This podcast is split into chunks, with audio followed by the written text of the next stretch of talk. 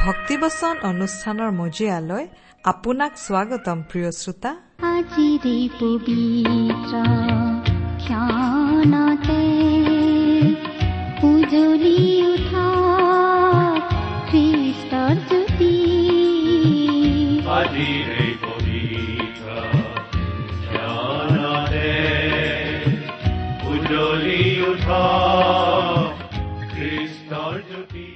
আমাৰ মহান ত্ৰাণকৰ্তা প্ৰভু যীশুখ্ৰীষ্টৰ নামত নমস্কাৰ প্ৰিয় শ্ৰোতা। আশা কৰো আপুনি আমাৰ মহান পিতা পৰমেশ্বৰৰ মহান অনুগ্ৰহত ভালে কুশলে আছে। লগতে এই বুলিও আশা কৰিছো যে আপুনি আমাৰ এই ভক্তিবচন অনুষ্ঠানটো নিয়মিতভাৱে শুনি আছে। আমাৰ বহুতো শ্ৰোতাই আমালৈ চিঠি লিখে।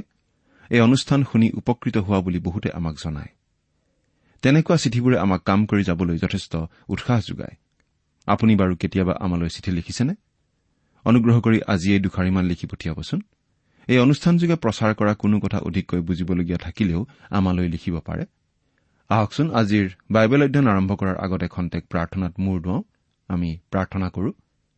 আমাৰ স্বৰ্গত থকা মৰমীয়াল পিতৃ ঈশ্বৰ তোমাক ধন্যবাদ জনাওঁ কাৰণ তোমাৰ মহান বাক্য বাইবেল শাস্ত্ৰ অধ্যয়ন কৰিবলৈ তুমি আমাক আকৌ এটা সুযোগ দান কৰিছা।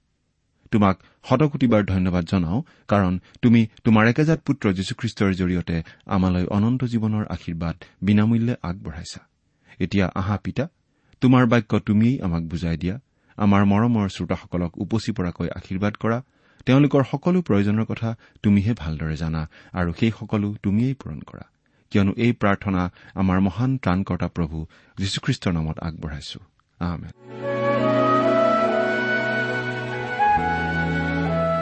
প্ৰিয় শ্ৰোতা আপুনি বাৰু আমাৰ এই ভক্তিবচন অনুষ্ঠানটো নিয়মিতভাৱে শুনি আহিছেনে? যদিহে আপুনি ইয়াৰ আগৰ অনুষ্ঠান শুনিছিল তেন্তে আপোনাৰ নিশ্চয় মনত পৰিব যে আমি বাইবেলৰ পুৰণি নিয়ম খণ্ডৰ হিতুপদেশ নামৰ পুস্তকৰ ত্ৰিশ নম্বৰ অধ্যায়ৰ পোন্ধৰ নম্বৰ পদৰ আত্মসংযমৰ কথাৰে সামৰণি মাৰিছিলো। প্ৰভু যীশুখ্ৰীষ্টক তেওঁলোকৰ নিজৰ জীৱনৰ পৰিত্ৰাতা প্ৰভুৰূপে যিমান লোকে গ্ৰহণ কৰিছে তেওঁলোকক প্ৰভু যীশুৱে তেওঁৰ আত্মাৰ দ্বাৰাই অৰ্থাৎ পবিত্ৰ আত্মাৰ দ্বাৰাই এই প্ৰয়োজনীয় গুণ আত্মসংযম দান কৰে। তাৰ বাবে আমি নিজকে প্ৰভুৰ হাতত সমৰ্পণ কৰিব লাগে। আজিৰ অনুষ্ঠানত আমি এই হিতুপদেশ পুস্তকৰ ত্ৰিশ নম্বৰ অধ্যায়ৰ ষোল্ল নম্বৰ পদৰ পৰা আমাৰ আলোচনা আগবঢ়াই নিব খুজিছো। এতিয়া আমি এই ষোল্ল নম্বৰ পদটো পাঠ কৰি দিম। ইয়াত কদাচিতো তৃপ্ত নোহোৱা চাৰিটা বস্তুৰ কথা কোৱা হৈছে। সেই বস্তুকেইটা হৈছে চিউল বন্ধ্যা তিৰোতাৰ গৰ্ভ পানীত তৃপ্ত নোহোৱা ভূমি আৰু জুৰিব বুলি নোকোৱা জুই। আমাৰ অসমীয়া বাইবেলত কিয় চিউল বুলি কোৱা হৈছে আমি ক'ব নোৱাৰো। ইংৰাজী বাইবেলত মৈদাম বা কবৰ বুলিহে কোৱা হৈছে। আমি আমাৰ অধ্যয়নত কবৰ বুলিয়েই ক'ম। গতিকে জুৰিব বুলি নোকোৱা চাৰিটা বস্তুৰ প্ৰথমটোৱেই হৈছে কবৰ বা কবৰস্থান। আপুনি আৰু মই শৱদেহ যাত্ৰাতেই জীৱন ধাৰণ কৰি আছো হওক। হয় আমি সকলোৱে এই শৱদেহ যাত্ৰাতেই জীৱন ধাৰণ কৰি আছো। এডেনবাৰীৰ বাহিৰত হেবলৰ মৃত্যুৰেই ইয়াৰ আৰম্ভণ হৈছিল। আৰু তেতিয়াৰে পৰা যুগ যুগ ধৰি আজিলৈকে কবৰমুৱাকৈ শৱযাত্ৰা অবিৰত অবিৰামে চলিয়েই আছে। এই যিখন পুৰণি পৃথিৱীত আমি বাস কৰি আছো এই পৃথিৱীখন এখন বিৰাট আৰু বিশাল কবৰস্থান। এই কবৰস্থানে সন্তুষ্ট হলো বুলি কেতিয়াও নকয়। দ্বিতীয়টো হৈছে বন্ধা তিৰোতাৰ গৰ্ভ। এই দ্বিতীয়টোৰ ক্ষেত্ৰতো আমাৰ অসমীয়া বাইবেলত যি অসমীয়া শব্দ ব্যৱহাৰ কৰা হৈছে মানুহৰ ক্ষেত্ৰত সি অলপ অশ্লীল যেন শব্দ। গতিকে আমি বন্ধ্যা শব্দটো ব্যৱহাৰ কৰিব খুজিছো। হয় বন্ধ্যা তিৰোতাৰ গৰ্ভয়ো কাহানিও নকয় যে গৰ্ভত সন্তানে স্থিতি ল'ব পৰাকৈ সেই গৰ্ভই পাবলগীয়া বস্তুখিনি জোৰাওকৈ পাইছে। তেনে গৰ্ভৰ মহিলা সমাজত আছে। তেওঁলোকে দুখ পায় বা মন মাৰি থাকিব নালাগে। মাতৃহীন সন্তানসকলক চপাই লৈ তেওঁলোককেই নিজৰ পুত্ৰ কন্যাৰূপে তুলি তালি ডাঙৰ দীঘল কৰিব লাগে শিক্ষা দীক্ষা দিব লাগে। তেওঁলোকেই তেওঁলোকৰ দুখৰ চকুলো মুচিব পাৰে। তৃতীয়টো হৈছে পানীত তৃপ্ত নোহোৱা ভূমি। শুকান ভূমিত কেতিয়াবা আপুনি পানী ঢালি পাইছেনে? কেইবাল্টি পানীৰে মাটিডোখৰ সন্তুষ্ট হয়? এশ বাল্টি বা এহেজাৰ বাল্টি পানীৰে? থৰ বা চাহাৰা মৰুভূমিক কেইজাক বৰষুণে সন্তুষ্ট কৰাব পাৰিব বাৰু? এজাক দুজাক বহুজাক বৰষুণে পাৰিবনে? আৰু এতিয়া চতুৰ্থটো হৈছে জুৰিব বুলি নোকোৱা জুই। জুইক আপুনি দিয়েই থাকক দিয়েই থাকক ই পুৰিয়েই থাকিব পুৰিয়েই থাকিব। মই আৰু পুৰিব নোৱাৰো। বা মই বহু পুৰিলো এই বুলি জুইয়ে কেতিয়াও নকয়। মানুহ চোৰে চুৰ কৰিলে বহু বস্তু এৰি চুৰ কৰে। জুইয়ে চুৰ কৰিলে একো এৰি থৈ নাযায়। সোতৰ নম্বৰ পদ।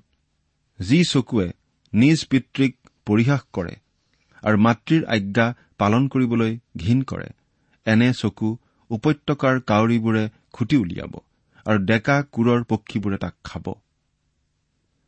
পিতৃ মাতৃৰ প্ৰতি অৱহেলা অৱজ্ঞা কঠোৰ ব্যৱহাৰ কৰা তেওঁলোকৰ বাবে পুত্ৰৰ দায়িত্ব পালন নকৰা পুত্ৰসকলৰ বিৰুদ্ধে এয়া ঈশ্বৰৰ বচনৰ বৰ কঠোৰ বিচাৰ ঘোষণা। বৃদ্ধ বৃদ্ধা পিতৃ মাতৃৰ বাবে দায়িত্ববোধ নথকা মূৰ্খ আৰু নিষ্ঠুৰ পুত্ৰবিলাকৰ জীৱনত কিবা কল্যাণ হ'বনে? ঈশ্বৰে তেওঁলোকক দয়া দেখুৱাবনে? অৱশ্যে প্ৰভু যীশুখ্ৰীষ্টত বিশ্বাস স্থাপন কৰা যুৱকসকল এই ক্ষেত্ৰত সম্পূৰ্ণ ব্যতিক্ৰম ব্যক্তি। ওঠৰ আৰু ঊনৈশ নম্বৰ পদ পাঠ কৰি দিম। মোৰ জ্ঞানৰ অগম্য তিনিটা এনেকি মই নুবুজা চাৰিটা আছে? আকাশত কোৰৰ পক্ষীৰ গতি শিলত সৰ্পৰ গতি সমুদ্ৰৰ মাজত জাহাজৰ গতি আৰু যুৱতীত পুৰুষৰ গতি। এইবোৰ নীতিবচনৰ ৰচনাকাৰী আগোৰে ইয়াত উল্লেখ কৰা চাৰিটা কথা বুজি নোপোৱা বুলি কৈছে।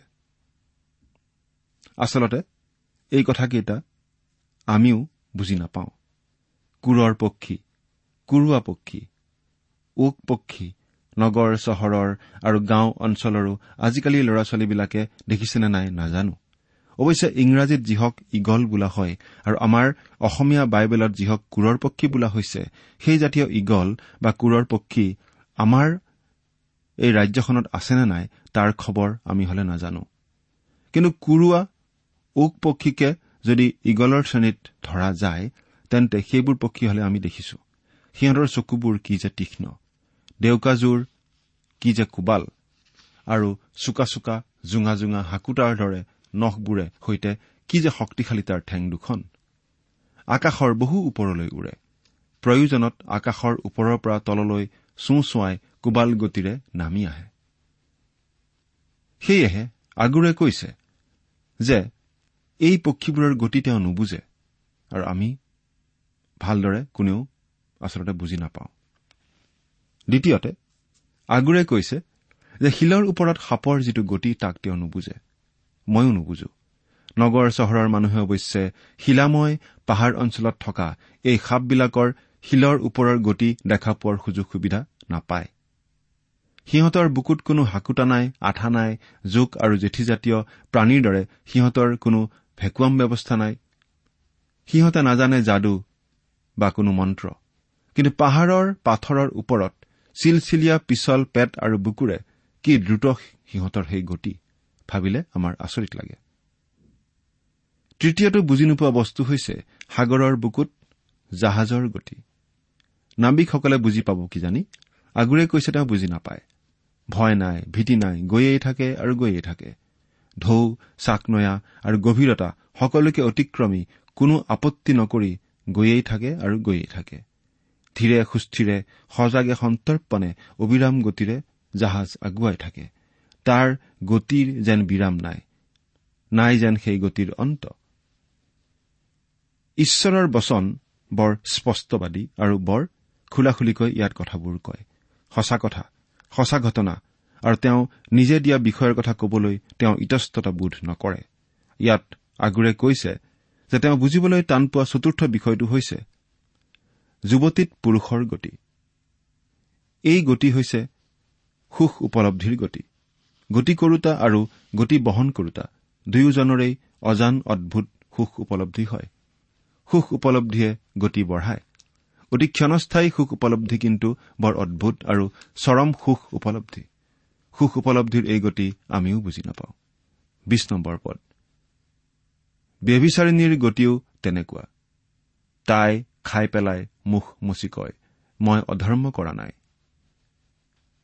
আমাৰ অসমীয়া বাইবেলত ইয়াৰ যিটো অনুবাদ কৰা হৈছে এইটো সঠিক ভাৱ প্ৰকাশ নোহোৱাৰ নিচিনা লাগে।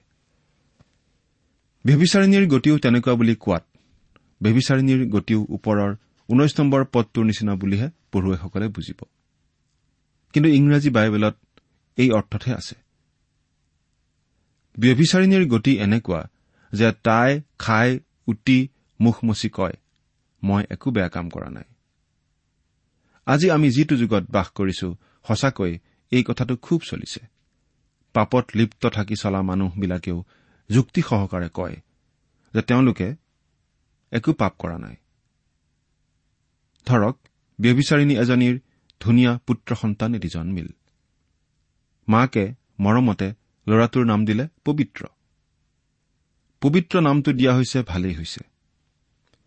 কিন্তু পবিত্ৰ নামটো দিয়া দেখিয়েই মৰম লগা সেই কেঁচুৱাটো পবিত্ৰ হ'ব নোৱাৰে। কাৰণ সকলো ল'ৰা ছোৱালীয়েই পাপৰ প্ৰকৃতিলৈ জন্মগ্ৰহণ কৰে। দ্বিতীয়তে মাকজনী যে বেভিচাৰিণী সেই সঁচা কথাটো ল'ৰাটোৰ পবিত্ৰ বোলা নামটোৱে কেতিয়াও সলনি কৰি দিব নোৱাৰে। ঈশ্বৰে কৈছে যে বেভিচাৰ পাপ। সেই ক্ষেত্ৰত ঈশ্বৰে তেওঁৰ মন সলনি কৰা নাই। একো নতুন তেওঁ এই যুগৰ মানুহৰ পৰা শিকা নাই। শিকিবৰ প্ৰয়োজন নাই আৰু নিশিকে। আমাৰ এই যুগে কি কি পাপ কৰ্মত লিপ্ত হ'ব তাক তেওঁ আগতেই জানিছিল আৰু সেইকাৰণেই হিতুপদেশৰ যোগেদি তেওঁ এই পাপৰ কথা তাহানিতেই লিখি থৈ গৈছে বা আগুৰৰ যোগেদি লিখুৱাইছে। এতিয়া আমি একৈশ নম্বৰ পদৰ পৰা তেইছ নম্বৰ পদলৈকে তিনিটা পদ পাওঁ। পঢ়ি দিছো। তিনিটাৰ ভৰত পৃথিৱী কঁপে। এনেকি সহিব নোৱাৰা চাৰিটাৰ ভৰত কঁপে। ৰাজত্ব পোৱা বন্দী খাই তৃপ্ত হোৱা মূৰ্খ পত্নী পদ পোৱা ঘীনলগীয়া তিৰোতা আৰু নিজ কৰ্তৃৰ উত্তৰাধিকাৰী বাপ পোৱা বেটীৰ ভৰত।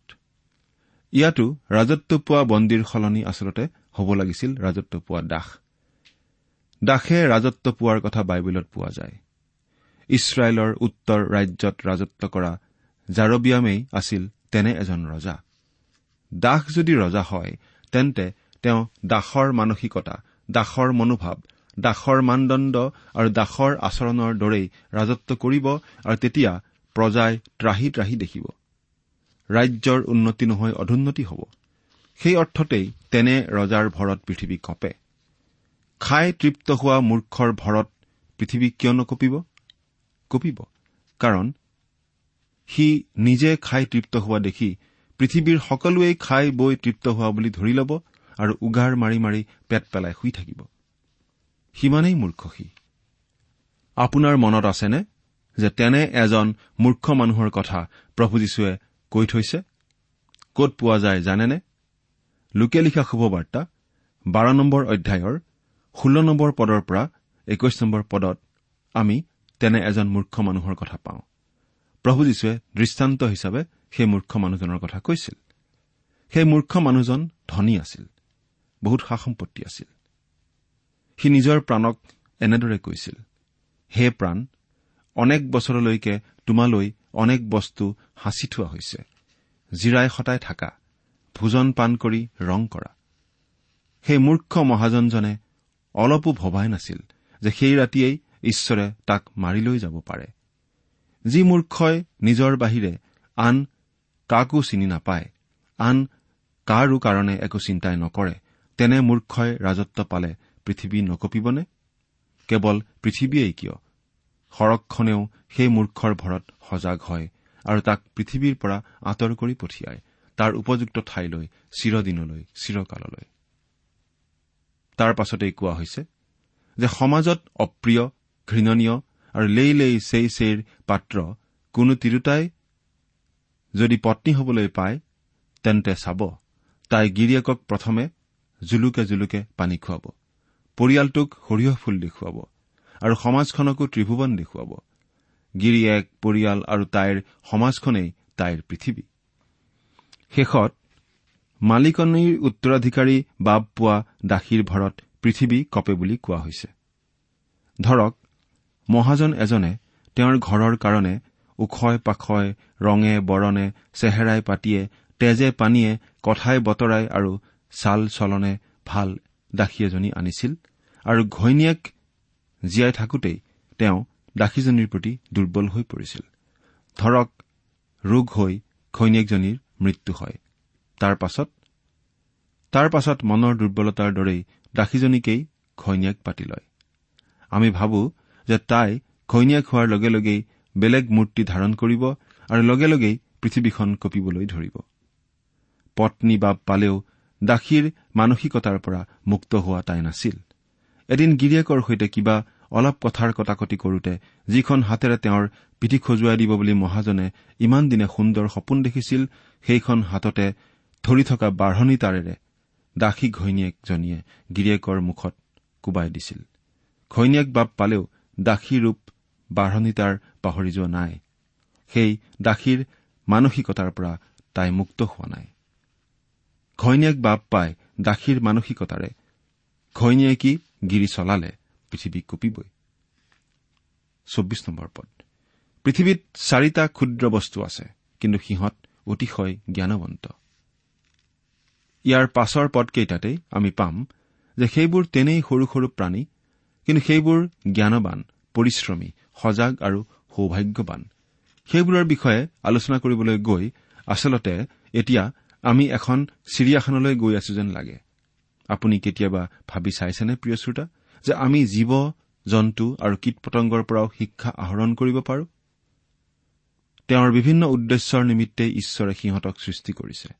সেই উদ্দেশ্যবিলাকৰ ভিতৰত এটা উদ্দেশ্য হৈছে সিহঁতৰ যোগেৰে আমাক শিক্ষাদান কৰা।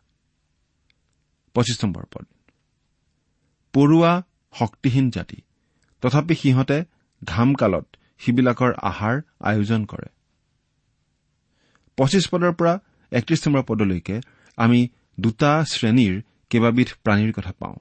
প্ৰথমটো শ্ৰেণীয়ে আমাক দেখুৱাই পাপীয়ে কেনেকৈ প্ৰভুৰ গুৰিলৈ যাব লাগে। দ্বিতীয়টো শ্ৰেণীয়ে আমাক কয় প্ৰভু যীশুখ্ৰীষ্টত বিশ্বাস স্থাপন কৰা বিশ্বাসকাৰীসকলে ঈশ্বৰে সৈতে কেনেদৰে চলিব লাগে? সেই কথা। এতিয়া পৰুৱাৰ কথাটোকেই চাওকচোন। তেনেই সৰু প্ৰাণী কিন্তু বৰ জ্ঞানী প্ৰাণী। আমি সিহঁতৰ পৰা শিক্ষা আহৰণ কৰিব পাৰো। পৰুৱাৰ বিষয়ে আমি ইতিমধ্যে হিতুপদেশ ছয় নম্বৰ অধ্যায়ৰ ছয় নম্বৰ পদৰ পৰা আঠ নম্বৰ পদত এই বুলি পাই আহিছো। হে এলেহুৱা পৰুৱাৰ ওচৰলৈ যোৱা সিহঁতৰ কাৰ্য দেখি জ্ঞানী হোৱা সিহঁতৰ অধিপতি কাৰ্যাধ্যক্ষ বা শাসনকৰ্তা নথকাটো সিহঁতে জহকালত সিবিলাকৰ খোৱা বস্তু গোটাই আৰু শস্য দোৱাৰ সময়ত আহাৰ চপায়। পৰুৱা বাস্তৱিকতেই বৰ জ্ঞানী আৰু পৰিশ্ৰমী। আমি নিজ চকুৰে দেখিছো খৰালি কালতেই পৰুৱাই আহাৰ গোটোৱা। সিহঁত বৰ পৰিশ্ৰমীও হয়। খৰালিৰ ছুটি সময়ৰ ভিতৰতেই সিহঁতে সিহঁতৰ আহাৰ গোটাই জমা কৰে। আমাৰ পাৰ্থিৱ জীৱনকালৰ প্ৰয়োজনৰ বাবে পাৰ্থিৱ প্ৰয়োজনীয়বোৰ ভৱিষ্যত জীৱনৰ বাবে গোটোৱাৰ কথা আমি পঢ়োৱাৰ পৰা শিকিব লাগে। কিছুমান খ্ৰীষ্টীয় লোক আছে যিসকলে কয় যে আমি জীৱন বীমা আদি কৰাৰ প্ৰয়োজন নাই। ঈশ্বৰৰ ওপৰত নিৰ্ভৰ কৰি চলিব লাগে। কিন্তু প্ৰিয় শ্ৰোতা প্ৰভুৱে যদি আমাক আৰ্জন কৰাৰ উপায় দিছে তেন্তে পাৰ্থিৱ জীৱন নিৰ্বাহৰ বাবে প্ৰয়োজন হোৱা পাৰ্থিৱ প্ৰয়োজনীয়খিনি আৰ্জন কৰাত অপৰাধ একো নাই। প্ৰভুৱে দিলে সম্ভৱ হলে আমাৰ এখন ঘৰ অলপ আৰ্জন আৰু অলপ সঞ্চয় থাকিব লাগে। বৰং এনে ব্যৱস্থা নৰখাৰ ফলত ভৱিষ্যতে যেতিয়া টকা পইচাৰ অভাৱত দুখ পাব লগা হয় আনৰ অনুগ্ৰহৰ ওপৰত চলিবলগীয়া হয় তেতিয়া আমি প্ৰভুৰ গুৰিত প্ৰাৰ্থনা কৰো আৰু প্ৰভুৰ গুৰিত প্ৰাৰ্থনা কৰাৰ দৰে সঁহাৰি নাপালে আমাৰ প্ৰভুৰ ওপৰতো সন্দেহ জন্মে। আমাৰ খ্ৰীষ্টীয় বিশ্বাসত বিৰাট কুঠাৰাঘাত পৰে। কিন্তু আনহাতে প্ৰভুৱে আমাক সঞ্চয় শিকিবলৈ পৰুৱাৰ গুৰিলৈ যাবলৈ কৈছে। প্ৰিয় শ্ৰোতা এই শিক্ষা আজি বহুতো খ্ৰীষ্টীয় বিশ্বাসীৰ জীৱনৰ বাবে প্ৰয়োজনীয় শিক্ষা। বহুতে এই ক্ষেত্ৰত হয়তো ভুল কৰি আহিছে। পাৰ্থিৱ কথাৰ বাহিৰেও আমাৰ বাবে ইয়াত গভীৰতৰ শিক্ষা অৰ্থাৎ আম্মিক শিক্ষা আছে। মৃত্যুৰ সিপাৰৰ জীৱনৰ কাৰণেও যে আমি প্ৰস্তুত হ'ব লাগে তাক আমি ইয়াৰ পৰা শিকিব পাৰো। সেয়া হ'ব অনন্ত সঞ্চয় অনন্ত জীৱনৰ সঞ্চয়। সেই অনন্ত জীৱন আমাৰ পৰিত্ৰাতা প্ৰভু যীশুৱে সৰগৰ পৰা আনিলে যাতে যিসকলে তেওঁত বিশ্বাস কৰে সেইসকল বিনষ্ট নহয় কিন্তু অনন্ত জীৱন পায়। জোখন তিনি অধ্যায় ষোল্ল নম্বৰ পদ। সেই অনন্তকালৰ অনন্ত জীৱনৰ বাবে এতিয়াই প্ৰস্তুত নোহোৱাটো এটা ডাঙৰ মূৰ্খামী নহবনে প্ৰিয় শ্ৰোতা? ৰোমৰ দুষ্ট সম্ৰাট হাদ্ৰিয়ানে তেওঁৰ মৃত্যুৰ আগে আগে হেনো কৈছিল এই মূৰৰ ওপৰত আৰু কোনো মুকুট নাই এই চকুহালৰ বাবে আৰু কোনো সৌন্দৰ্য নাই আৰু মোৰ এই পেটটোৰ বাবে আৰু কোনো সুস্বাদু আহাৰ নাই। কিন্তু হে মোৰ আত্মা তোমাৰ কি হ'ব? মানুহৰ মৃত্যু হবই। সকলোৰে মৃত্যু হ'ব। ইব্ৰী ন অধ্যায় সাতাইছ নম্বৰ পদ। এয়া দৈহিক মৃত্যু মাথোন। কিন্তু দৈহিক মৃত্যুৰ পাছতো যে অনন্তকলীয়া মৃত্যু আৰু অনন্তকলীয়া জীৱন আছে তাক আপুনি জানেনে প্ৰিয় শ্ৰোতা? অনন্ত জীৱনৰ বীমা অনন্ত জীৱনৰ সঞ্চয় আপোনাৰ হৈ গৈছেনে বাৰু? ছাব্বিছ নম্বৰ পদ। চাফন পহু কেৱল দুৰ্বল জাতি তথাপি সিহঁতে শিলৰ মাজত ঘৰ সাজে। এই চাফন পহুবোৰ দুৰ্বল। নিজক প্ৰতিৰক্ষা কৰিবলৈ সিহঁতৰ কোনো সম্বল নাই। সেয়ে নিৰাপত্তাৰ বাবে সিহঁতে শিলৰ মাজতেই সিহঁতৰ ঘৰ সাজে। যিবোৰ অসুচী পশুপক্ষী ইছৰাইল জাতিৰ লোকে খাব নালাগে তেনে পশুপক্ষীৰ তালিকাত এই চাফন পশুও আছে। এই চাফন পশুৰ দৰেই মানুহ দৰিদ্ৰ সহায়হীন আৰু অসুচী মানুহ পাপী। মানুহে তেওঁৰ দুখ লগা অৱস্থাটো দেখা পাব লাগে। সেই অৱস্থা দেখি ডায়ুদৰ দৰে ক'ব পাৰিব লাগে। মোতকৈ ওখ শিলটোলৈ মোক লৈ যোৱা। গীতমালাৰ এষষ্ঠি নম্বৰ গীতৰ দুই নম্বৰ পদ। আমাৰ জীৱনৰ সেই গৰাকী শিলা প্ৰভু যীশুখ্ৰীষ্টৰ বাহিৰে আন কোনো হ'ব নোৱাৰে। পদ। ফৰিংবোৰৰ ৰজা নাই তথাপি সিহঁত সকলোৱে দলে দলে যাত্ৰা কৰে। জুৱেল আৰু প্ৰকাশিত বাক্য পুস্তকত ফৰিঙক ধ্বংসকাৰী আৰু মহামাৰী সৃষ্টি কৰিব পৰা প্ৰাণীৰ ৰূপত দেখুওৱা হৈছে। কিন্তু হিতুপদেশ দেউতাই আমাক এই ফৰিঙৰ পৰা শিক্ষা ল'বলৈ কৈছে। কি শিক্ষা? হয়। একতাৰে একত্ৰিত হৈ থকা পৰস্পৰে পৰস্পৰৰ লগত সহযোগ কৰা আৰু শৃংখলিতভাৱে চলাৰ শিক্ষা। সিহঁতৰ কোনো নেতা নাই কিন্তু সিহঁত নিজৰ নিজৰ দলত একত্ৰিত সৈন্যৰ দৰে যাত্ৰা কৰে আৰু বৰ সুশৃংখলভাৱে যাত্ৰা কৰে। প্ৰিয় শ্ৰোতা আমি সিহঁতৰ পৰা শিকিব পাৰো কেনেকৈ আমি খ্ৰীষ্টীয় লোকসকলে আমাৰ সৰগ ৰাজ্যৰ প্ৰধানজনৰ আৰু মৰতত খ্ৰীষ্টীয় পৰিয়ালত ইজনে সিজনৰ বশীভূত হৈ চলিব লাগে। জগতৰ দৃষ্টিত আমি খ্ৰীষ্টীয় লোকসকল পাৰস্পৰিক সম্বন্ধহীন সংগঠনহীনভাৱে চেদেলি ভেদেলি হৈ থকা অশৃংখল অৱস্থাত থকা লোক হ'ব পাৰো। দেখাত মণ্ডলীৰ কোনো প্ৰধান নাই মণ্ডলীখনৰ বিশ্বজনীন একত্ৰিত বন্ধন নাই কিন্তু মণ্ডলীৰ এগৰাকী অদৃশ্য প্ৰধান আছে। আৰু তেওঁই হৈছে মণ্ডলীৰ অদৃশ্য মুৰব্বী মণ্ডলীৰ স্বৰ্গীয় সৰ্বাধিনায়ক। তেওঁ হৈছে প্ৰভু যীশুখ্ৰীষ্ট। প্ৰথম কৰিন্ঠিয়া তিনি অধ্যায় তিনি নম্বৰ পদ। খ্ৰীষ্ট মণ্ডলীৰ সৰ্বাধিনায়ক। আৰু কেৱল সেয়েই নহয় মণ্ডলীৰ প্ৰত্যেক বিশ্বাসকাৰীৰ জীৱনত পবিত্ৰ আত্মা বাস কৰে আৰু সেই পবিত্ৰ আত্মাই তেওঁলোকক এক মণ্ডলীৰ অংগ প্ৰত্যংগৰূপে এক বন্ধনত ৰাখে। ফৰিঙৰ পৰা এই শিক্ষা আহৰণ কৰিব পাৰো। আঠাইছ নম্বৰ পদ। জেঠীয়ে নিজ হাতেৰে বগাই ফুৰে তথাপি সি ৰজাৰ অট্টালিকাত বাস কৰে।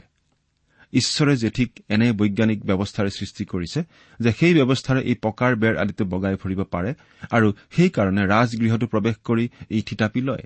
বিনা দ্বিধাই থিয় পথালি হেলনীয়া সকলোবোৰ বেৰ আৰু চিলিঙত ই বগাই ফুৰিব পাৰে দৌৰিব পাৰে। এই জেঠীয়ে আমাক বিশ্বাসৰ কথা শিকায়। আমাৰ খ্ৰীষ্টীয় বিশ্বাসে ঈশ্বৰৰ অংগীকাৰসমূহত খামোচ মাৰি ধৰি থাকে। আমি যে ঈশ্বৰৰ সন্তান তাক ঈশ্বৰৰ আত্মাই আমাৰ আত্মাৰ সৈতে যে সাক্ষ্য দিয়ে আমাৰ বিশ্বাসে সেই সত্যতাক ধৰি চলে।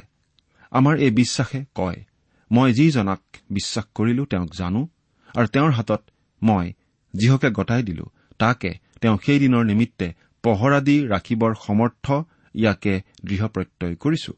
দ্বিতীয় তিমঠিয় এক অধ্যায় বাৰ নম্বৰ পদ। এই বিশ্বাসে কয় যিজনাই তোমালোকৰ সৎকৰ্মৰ আৰম্ভ কৰিলে তেওঁৱেই তাক যীশুখ্ৰীষ্টৰ আগমনৰ দিনলৈকে সিদ্ধ কৰি থাকিব বুলি দৃঢ় প্ৰত্যয় কৰিলো। ফিলিপিয়া এক অধ্যায় তিনি পদ। দুই শ্ৰেণীৰ প্ৰাণীৰ প্ৰথমটো ভাগৰ চাৰিবিধ প্ৰাণী পৰুৱা চাফন পশু ফৰিং আৰু জেঠীৰ পৰা শিকিলো পাপী মানুহে কেনেকৈ প্ৰভুৰ গুৰিলৈ যাব লাগে।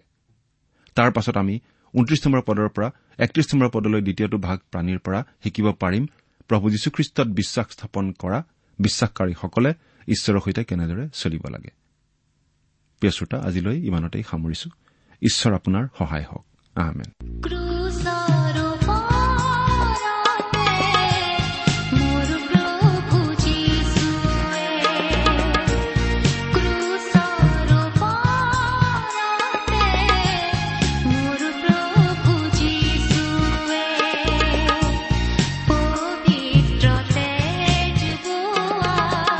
প্ৰিয় শ্ৰোতা ইমান পৰে আপুনি বাইবেল শাস্ত্ৰৰ পৰা ঈশ্বৰৰ বাক্য শুনিলে এই বিষয়ে আপোনাৰ মতামত জানিবলৈ পালে আমি নথৈ আনন্দিত হ'ম।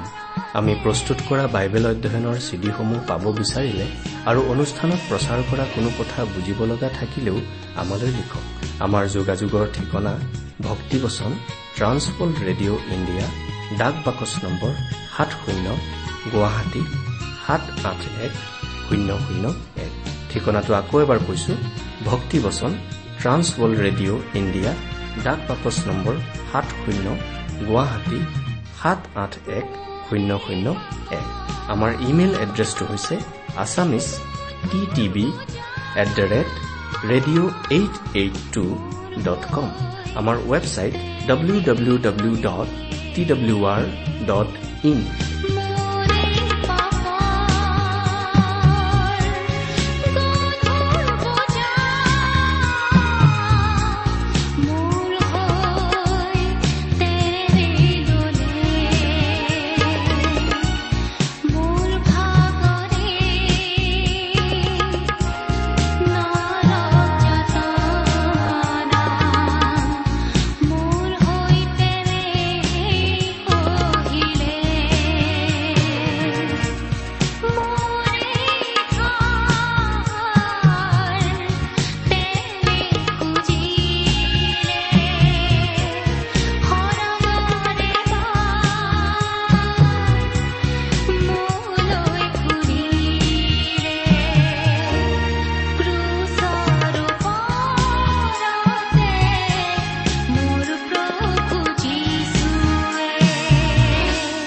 আপুনি টেলিফোনৰ মাধ্যমেৰেও আমাক যোগাযোগ কৰিব পাৰে। আমাৰ টেলিফোন নম্বৰটো হৈছে nine eight five four zero' four zero' eight eight nine. Phone নম্বৰটো আকৌ এবাৰ কৈছো ন আঠ পাঁচ চাৰি শূন্য চাৰি শূন্য আঠ আঠ ন। আপুনি এই ভক্তিবচন অনুষ্ঠানটি আমাৰ website W W W dot radio' eight eight two dot কমতো শুনিব পাৰিব।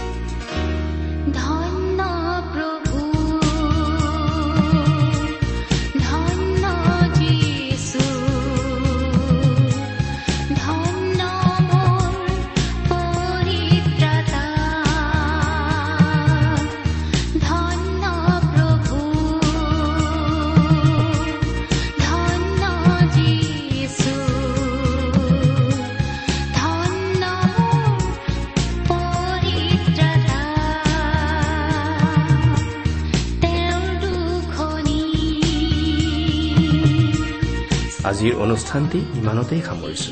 ঈশ্বৰৰ শান্তি আৰু অনুগ্ৰহ আপোনাৰ লগত